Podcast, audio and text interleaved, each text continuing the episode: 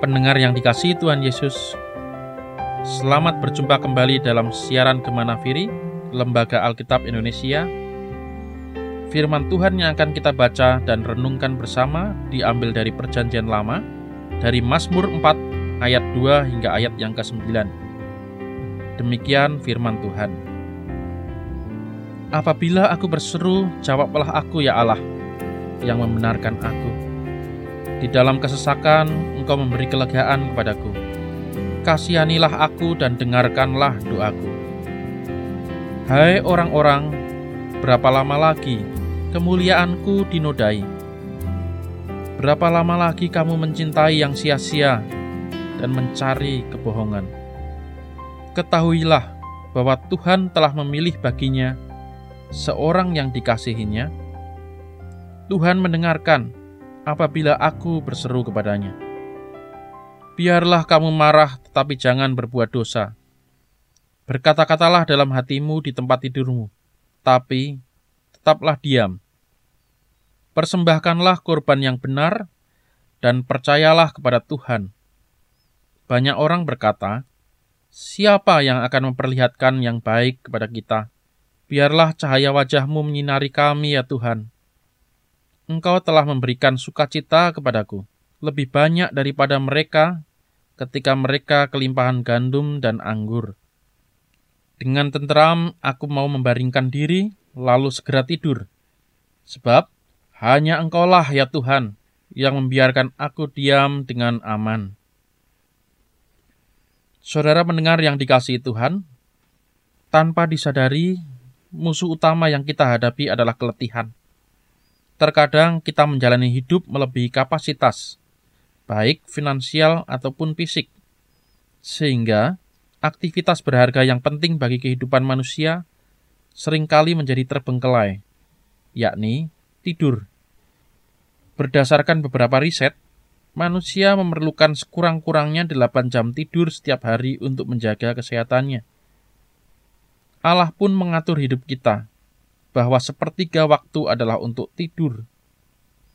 Jika tidak melakukannya, maka kesehatan fisik kita akan terganggu, tidak bersemangat, dan tidak produktif. Kurang tidur juga dapat merugikan, bahkan membahayakan orang lain. Tiap tahun, banyak korban jiwa berjatuhan karena ditabrak pengemudi yang mengantuk. Manusia bukan sekedar jiwa yang ditampung dalam tubuh, tubuh dan jiwa kita adalah satu. Jika tubuh kita menderita, maka jiwa kita turut menderita. Sebagai anak-anak Tuhan, kita harus melakukan tanggung jawab. Tidur adalah contoh sempurna dari kombinasi disiplin dan anugerah. Tidur adalah penyerahan diri. Tidur berarti mengakui bahwa kita bukan Allah, karena Allah tidak pernah tidur.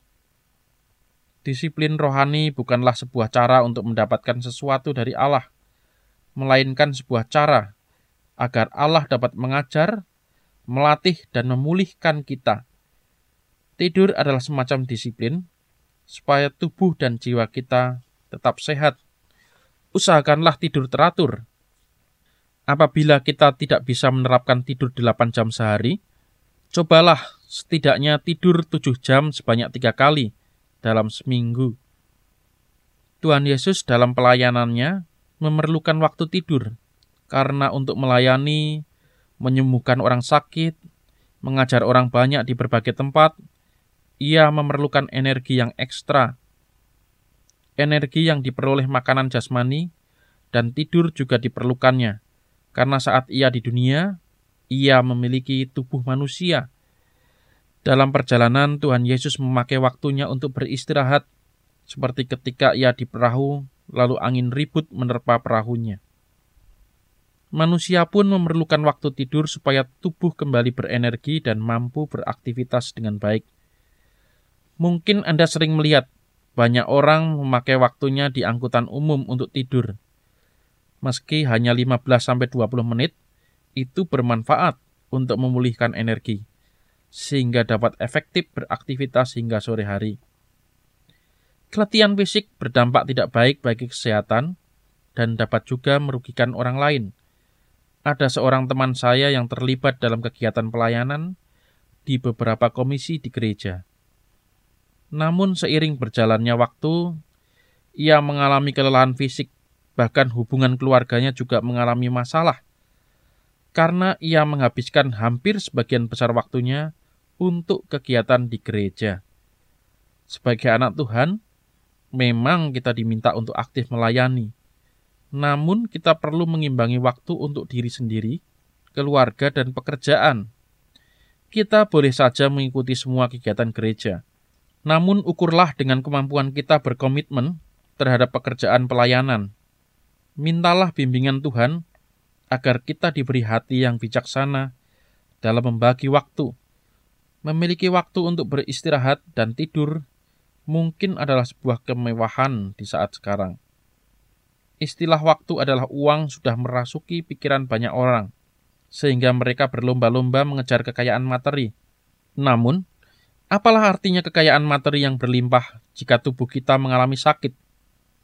Jadi hidup seimbang sungguh banyak manfaatnya. Saudara pendengar, marilah kita semakin rajin menghitung berkat Tuhan. Dengan demikian, kita berlatih untuk senantiasa mengucap syukur atas hal-hal dalam kehidupan kita yang diberikan Allah pada kita. Mari kita perhatikan hal-hal luar biasa yang dengan mudah kita lewatkan. Mulailah dari hal-hal kecil, seperti mencatat 10 hal yang telah Allah berikan pada kita pada hari ini. Daftar tersebut bisa berisi orang-orang terkasih, kebutuhan yang tersedia, kesempatan yang kita dapatkan. Tiap detik adalah sebuah kesempatan untuk bersyukur Hiduplah dalam rasa syukur, dengan demikian kita beroleh sukacita dan kedamaian. Marilah hidup dengan terus mengucap syukur, sehingga hal ini menjadi kebiasaan yang kita lakukan dalam kehidupan. Dan janganlah lupa, hidup seimbang serta tidur cukup demi kesehatan jiwa dan raga kita. Selamat menggunakan waktu dengan bijaksana, dan senantiasalah bersyukur. Tuhan memberkati kita semua. Amin.